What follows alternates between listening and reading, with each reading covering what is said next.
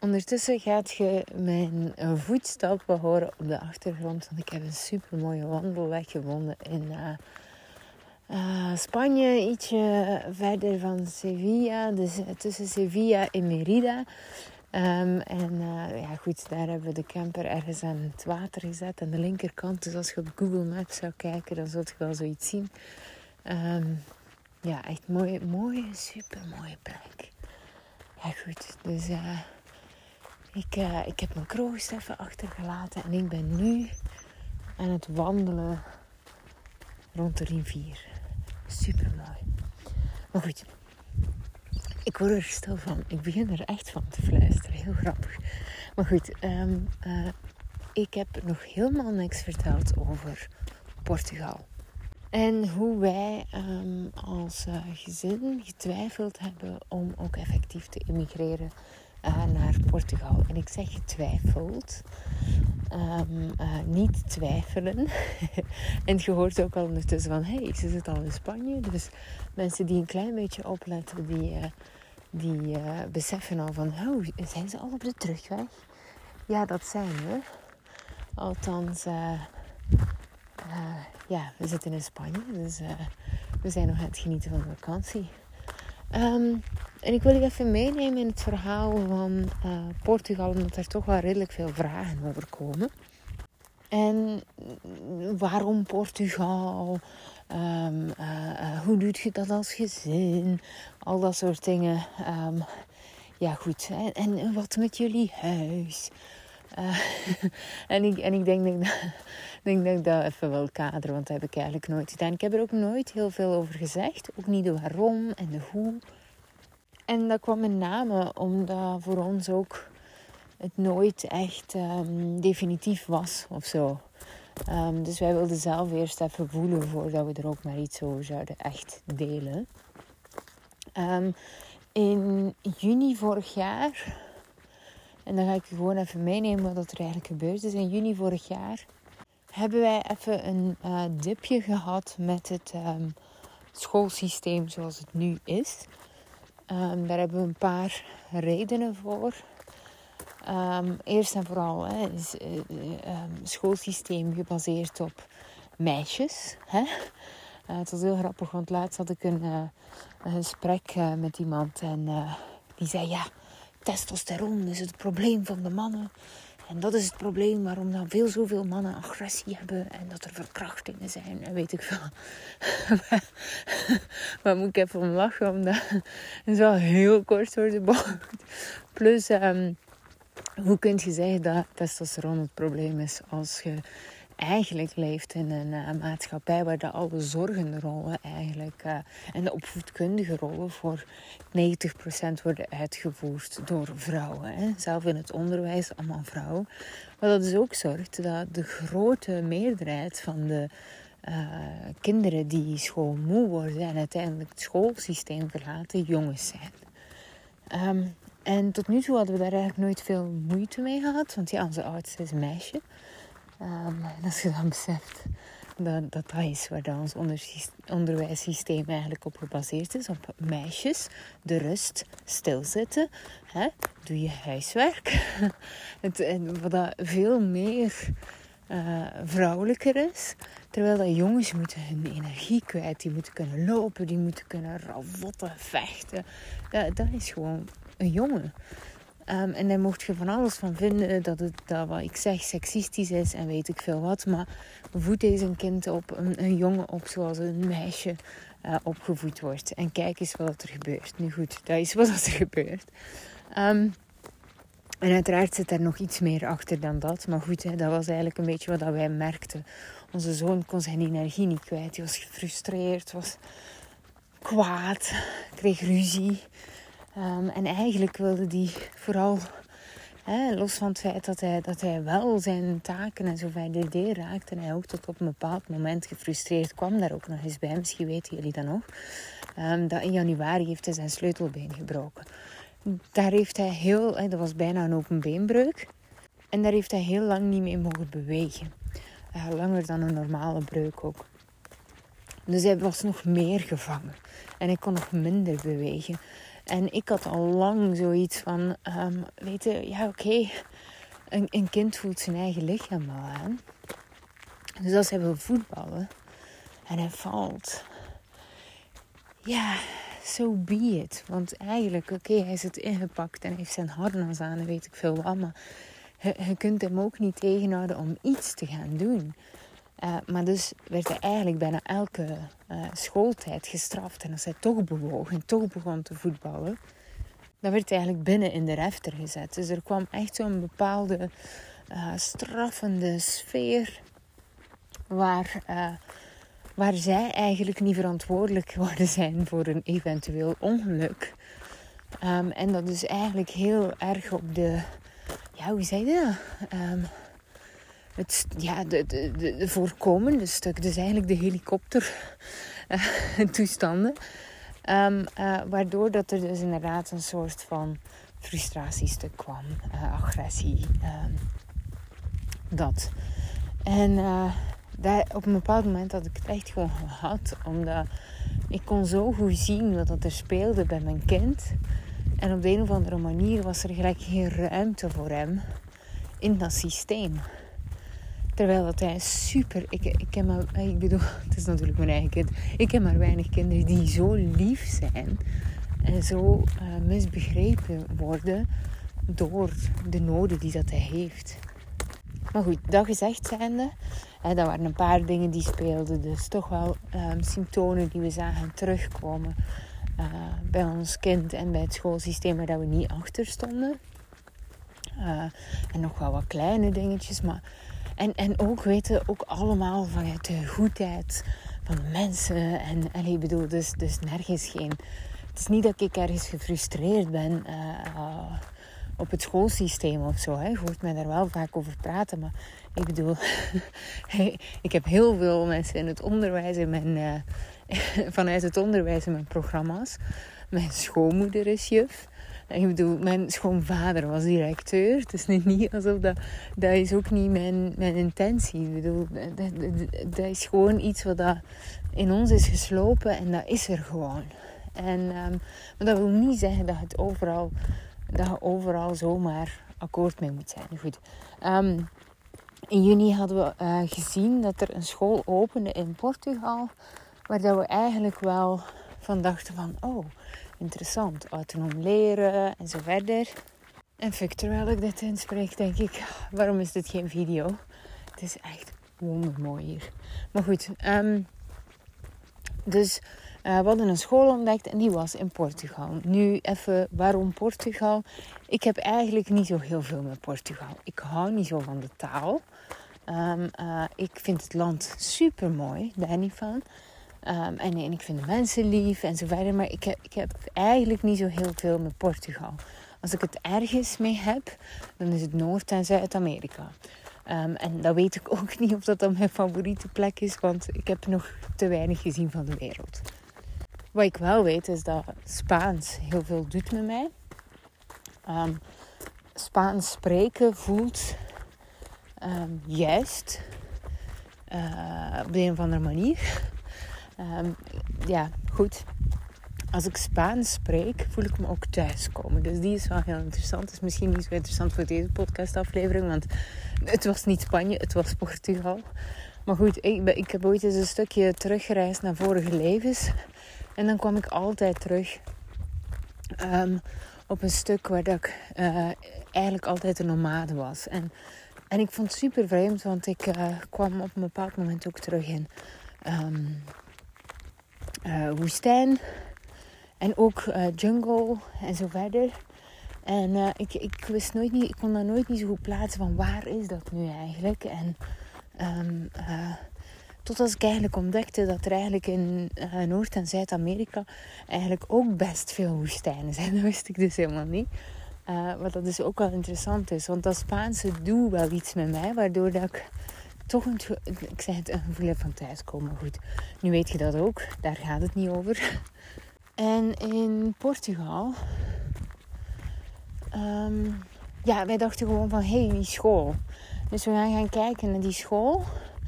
En dan zien we wel, we hebben sowieso graag warmer weer. Dus dan zien we wel of dat Ehm, of dat dat iets is wat we daarvoor over hebben. Voor het schoolsysteem van onze kinderen. Um, zitten we natuurlijk met Eva en Ben. Eva die eigenlijk wel zeer goed gedijt in het systeem dat er is. En Ben iets minder.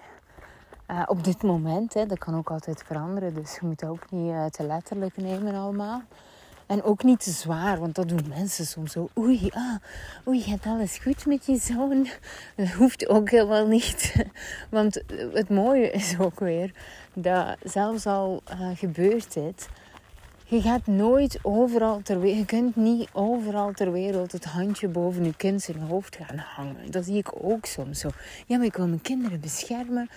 Ja, ik bedoel, wat gaat dan de eerste keer gebeuren? Dat ze in een bepaalde situatie komen en dan ze zichzelf eigenlijk een bepaald leiderschap moeten gaan tonen, omdat er iets niet is zoals zij dat wensen. En ik bedoel, dan, dan leert hen op die manier dus ook niks. Dus ik ben oké, okay, weet je, ik vind het altijd interessant om de horizon te verkennen en te verbreden. En tegelijkertijd ga ik niet gelijk een, kieken zonder kop en half in paniek gaan zoeken naar een andere oplossing. Nee, we hebben wat de dag gezien. We zijn gaan kijken uh, en, en we voelden het niet. Hè? Daar komen we dus nu naartoe. En eigenlijk was de bedoeling dat we een week gingen voelen. Maar eigenlijk al na dag één hadden we zoiets van: nee, um, dit, dit is niet waarvoor dat we willen immigreren, alles willen achterlaten, nu heel dramatisch. En, uh, en, en, en het is niet waardevol genoeg in vergelijking met de plek waar dat ze nu zitten, de community die ze hebben. Hè? Want sociaal contact buiten het schoolsysteem is ook wel super belangrijk. Was het het eigenlijk niet waard? En op langere termijn zagen we dat ook niet, um, niet, niet, niet beter. Ik bedoel, als we kijken naar lange termijn, was het nog altijd veel beter af in België. Um, dus dat.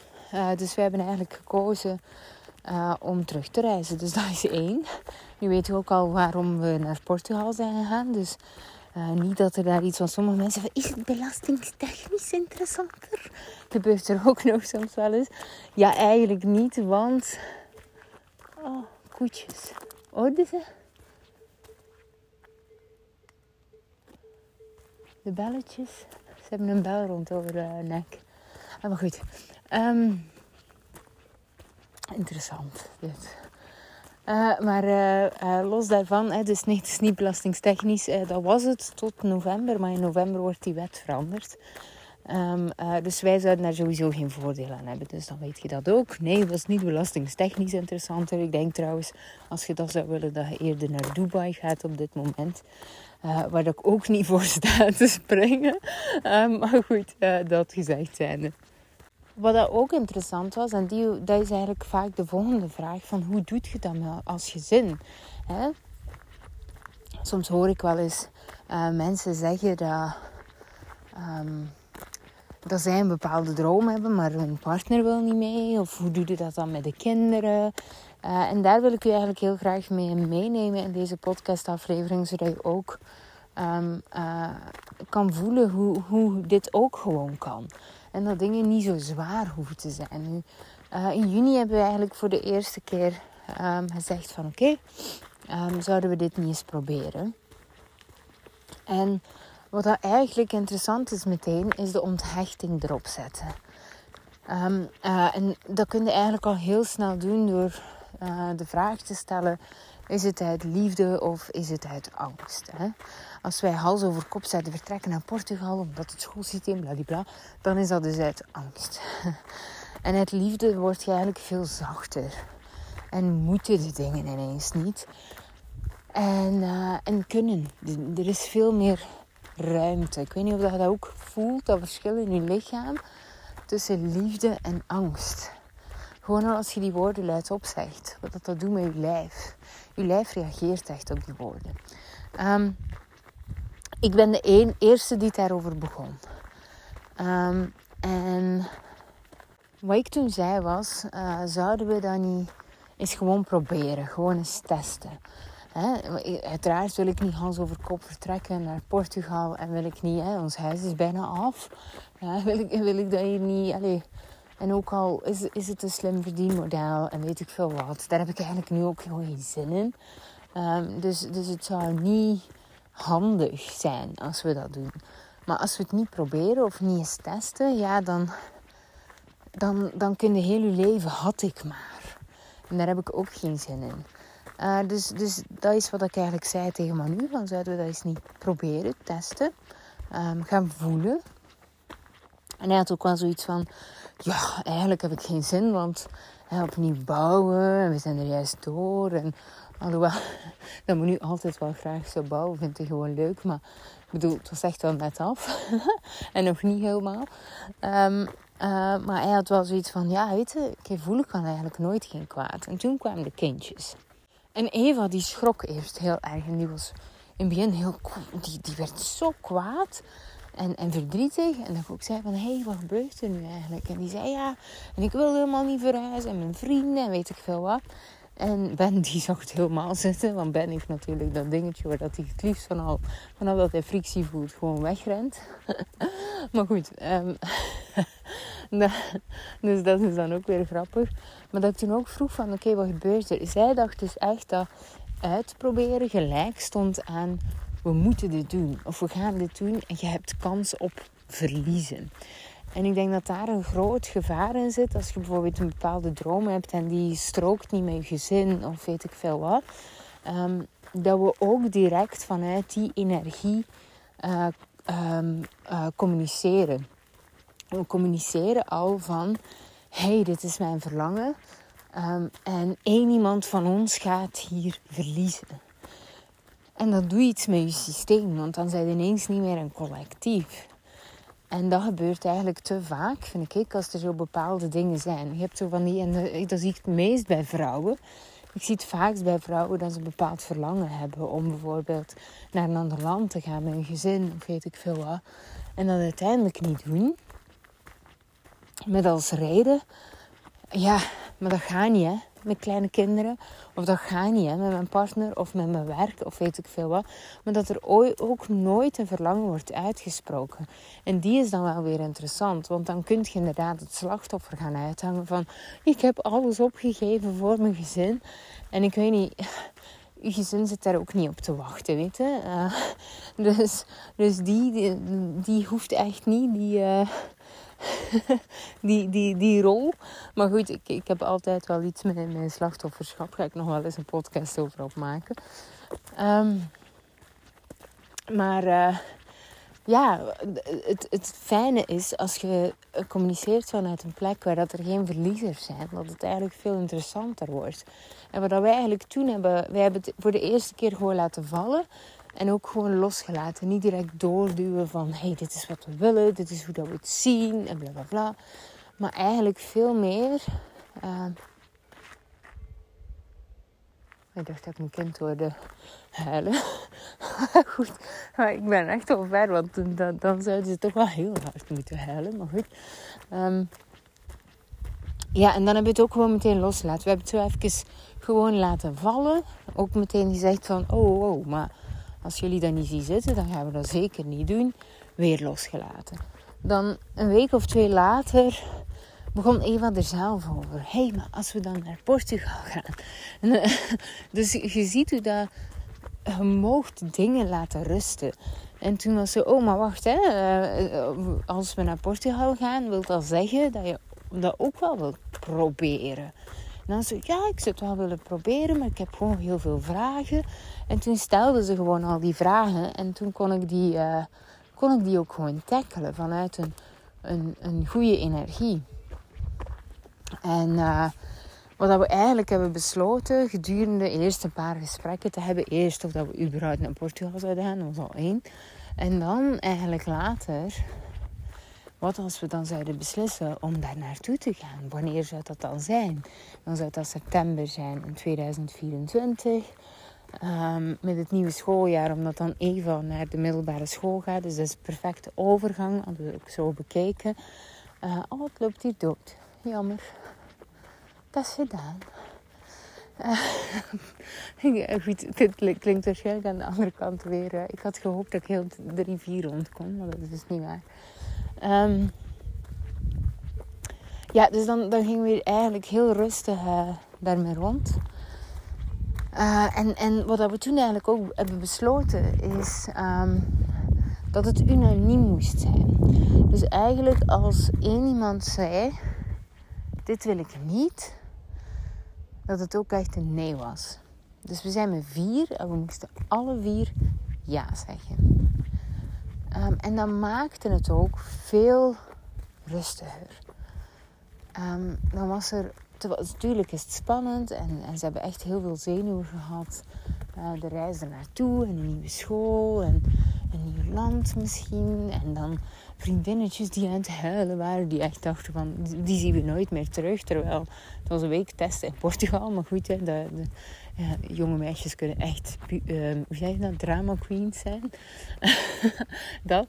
En um, ja, goed, uh, dus uh, zo is het eigenlijk gegaan. En uh, wat dat we eigenlijk merkten is zowel ik als Manu eigenlijk vanaf dag één zelf achter een paar uur al. Dat we zoiets hadden van nee, dit wil ik eigenlijk niet. Eigenlijk tien minuten zelf al. Um, en, en ik denk dat ik wel weer als eerste het heb uitgesproken. Ik ben, ik ben altijd wel de snelle voeler, snelle beslisser. En maar nu eigenlijk bijna even snel, maar hij, um, hij geeft altijd nog iets meer tijd voor twijfel. Zo, omdat hij Um, is dit gevoel juist? Misschien moet ik het nog wat tijd geven. Dat is zo meer money. Um, en toen, toen als ik het zei, zei hij ook eigenlijk ook meteen van... Ja, eigenlijk heb ik het ook al besloten. Ja, de kinderen zaten toen op school. ah, dus die moesten daar nog een hele dag zitten. En wij hadden eigenlijk al besloten. Uh, uh, dus dan kwamen ze van school. Ik was super enthousiast. Um, ben wat meer ingetogen, zo is ze altijd. Uh, en we hebben ze eerst natuurlijk laten vertellen hoe is het geweest. Geweldig en dit en dat en dat. Uh, voor hen was het dus geweldig. Het is natuurlijk ook weer nieuw. Het is ook spannend. Het is ook cool om te zeggen tegen je vrienden dat je gaat emigreren. Hè. Dus we mogen ook niet vergeten wat dat doet met een kind. Iedereen staat wel eens graag in de, belangstelling. Um, en uh, ja, toen hebben we dus verteld van... Hé, hey, mama en papa voelen het niet. Mama en papa hebben eigenlijk uh, besloten dat, dat, dat, we het niet gaan doen.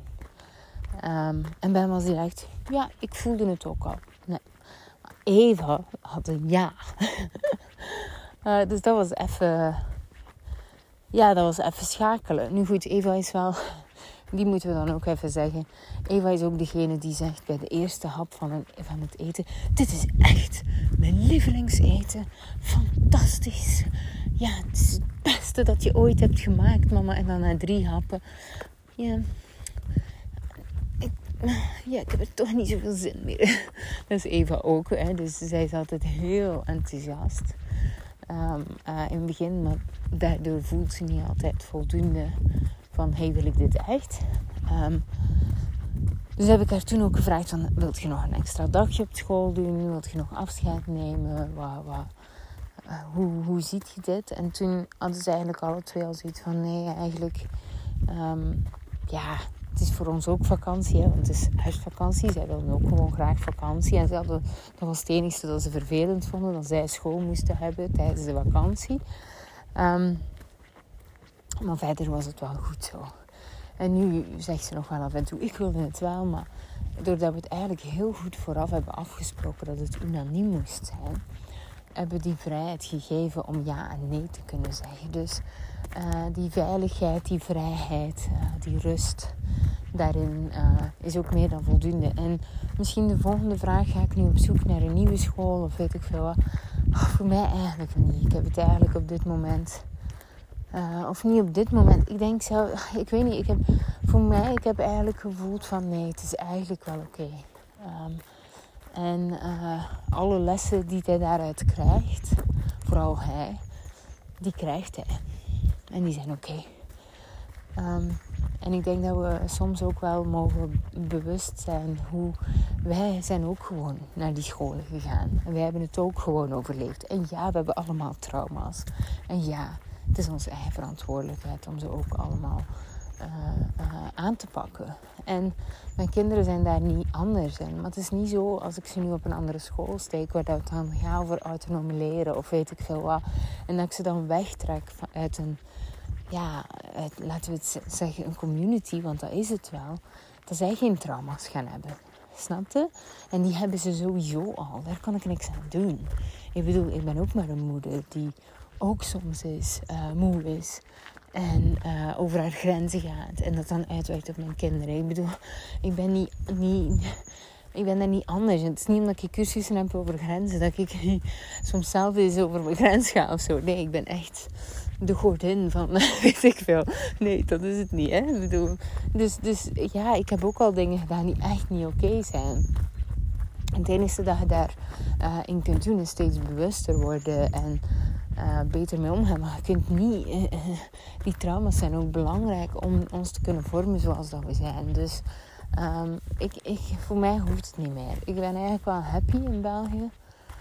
Um, en er komt ook wel een tijd dat ik echt veel meer nog wil gaan reizen. Dat eigenlijk 90% van mijn tijd um, uit reizen mag bestaan. Maar niet met de kinderen. wil ik ook niet. Ik voel ook... en en dat, dit is mijn mening. Hè. Ik weet dat iedereen daar een andere mening over heeft. Maar een nomade leven met kinderen bijvoorbeeld. Sommige mensen vragen dat wel eens, waarom doe je dat dan niet?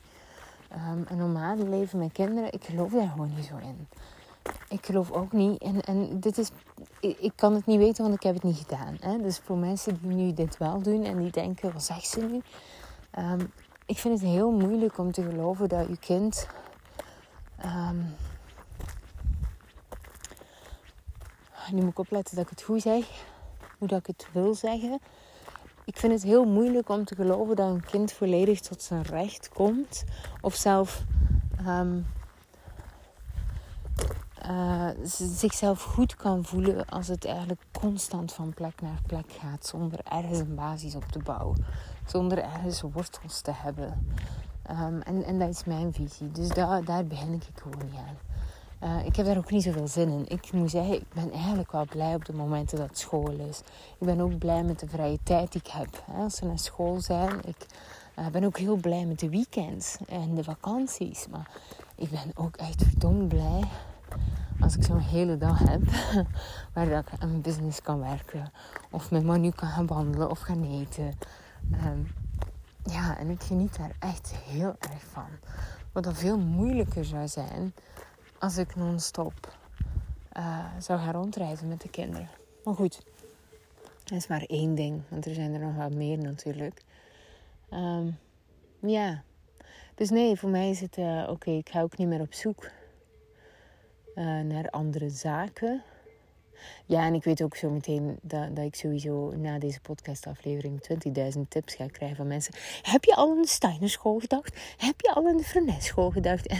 het hoeft echt niet. Oké. Eh, ik ben groot genoeg.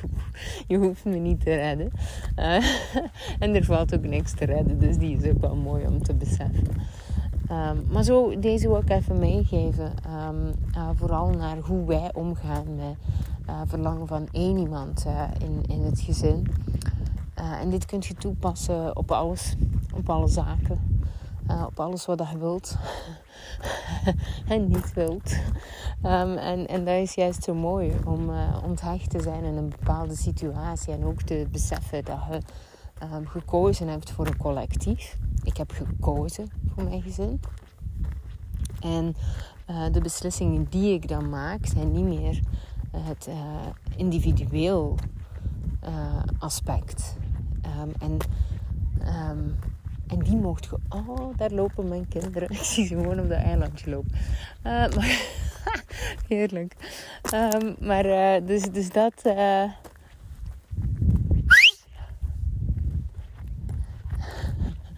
sorry, heb ik even in uw oor gefloten. Ik wou even zwaaien naar mijn kids.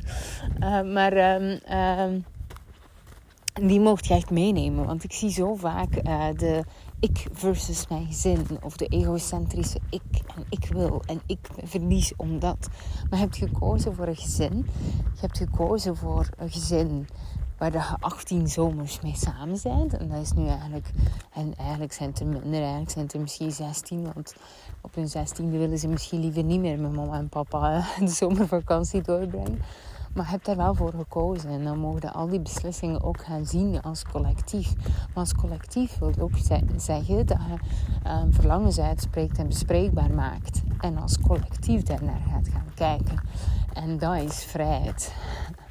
Dus um, als je ergens zit met een bepaald verlangen en uh, het gevoel hebt dat dat niet kan met je gezin, misschien is het dan wel interessant om, om dingen open te trekken en bespreekbaar te maken en um, daar unaniem over te mogen beslissen. Dat, dat is uh, de hoofdboodschap voor vandaag.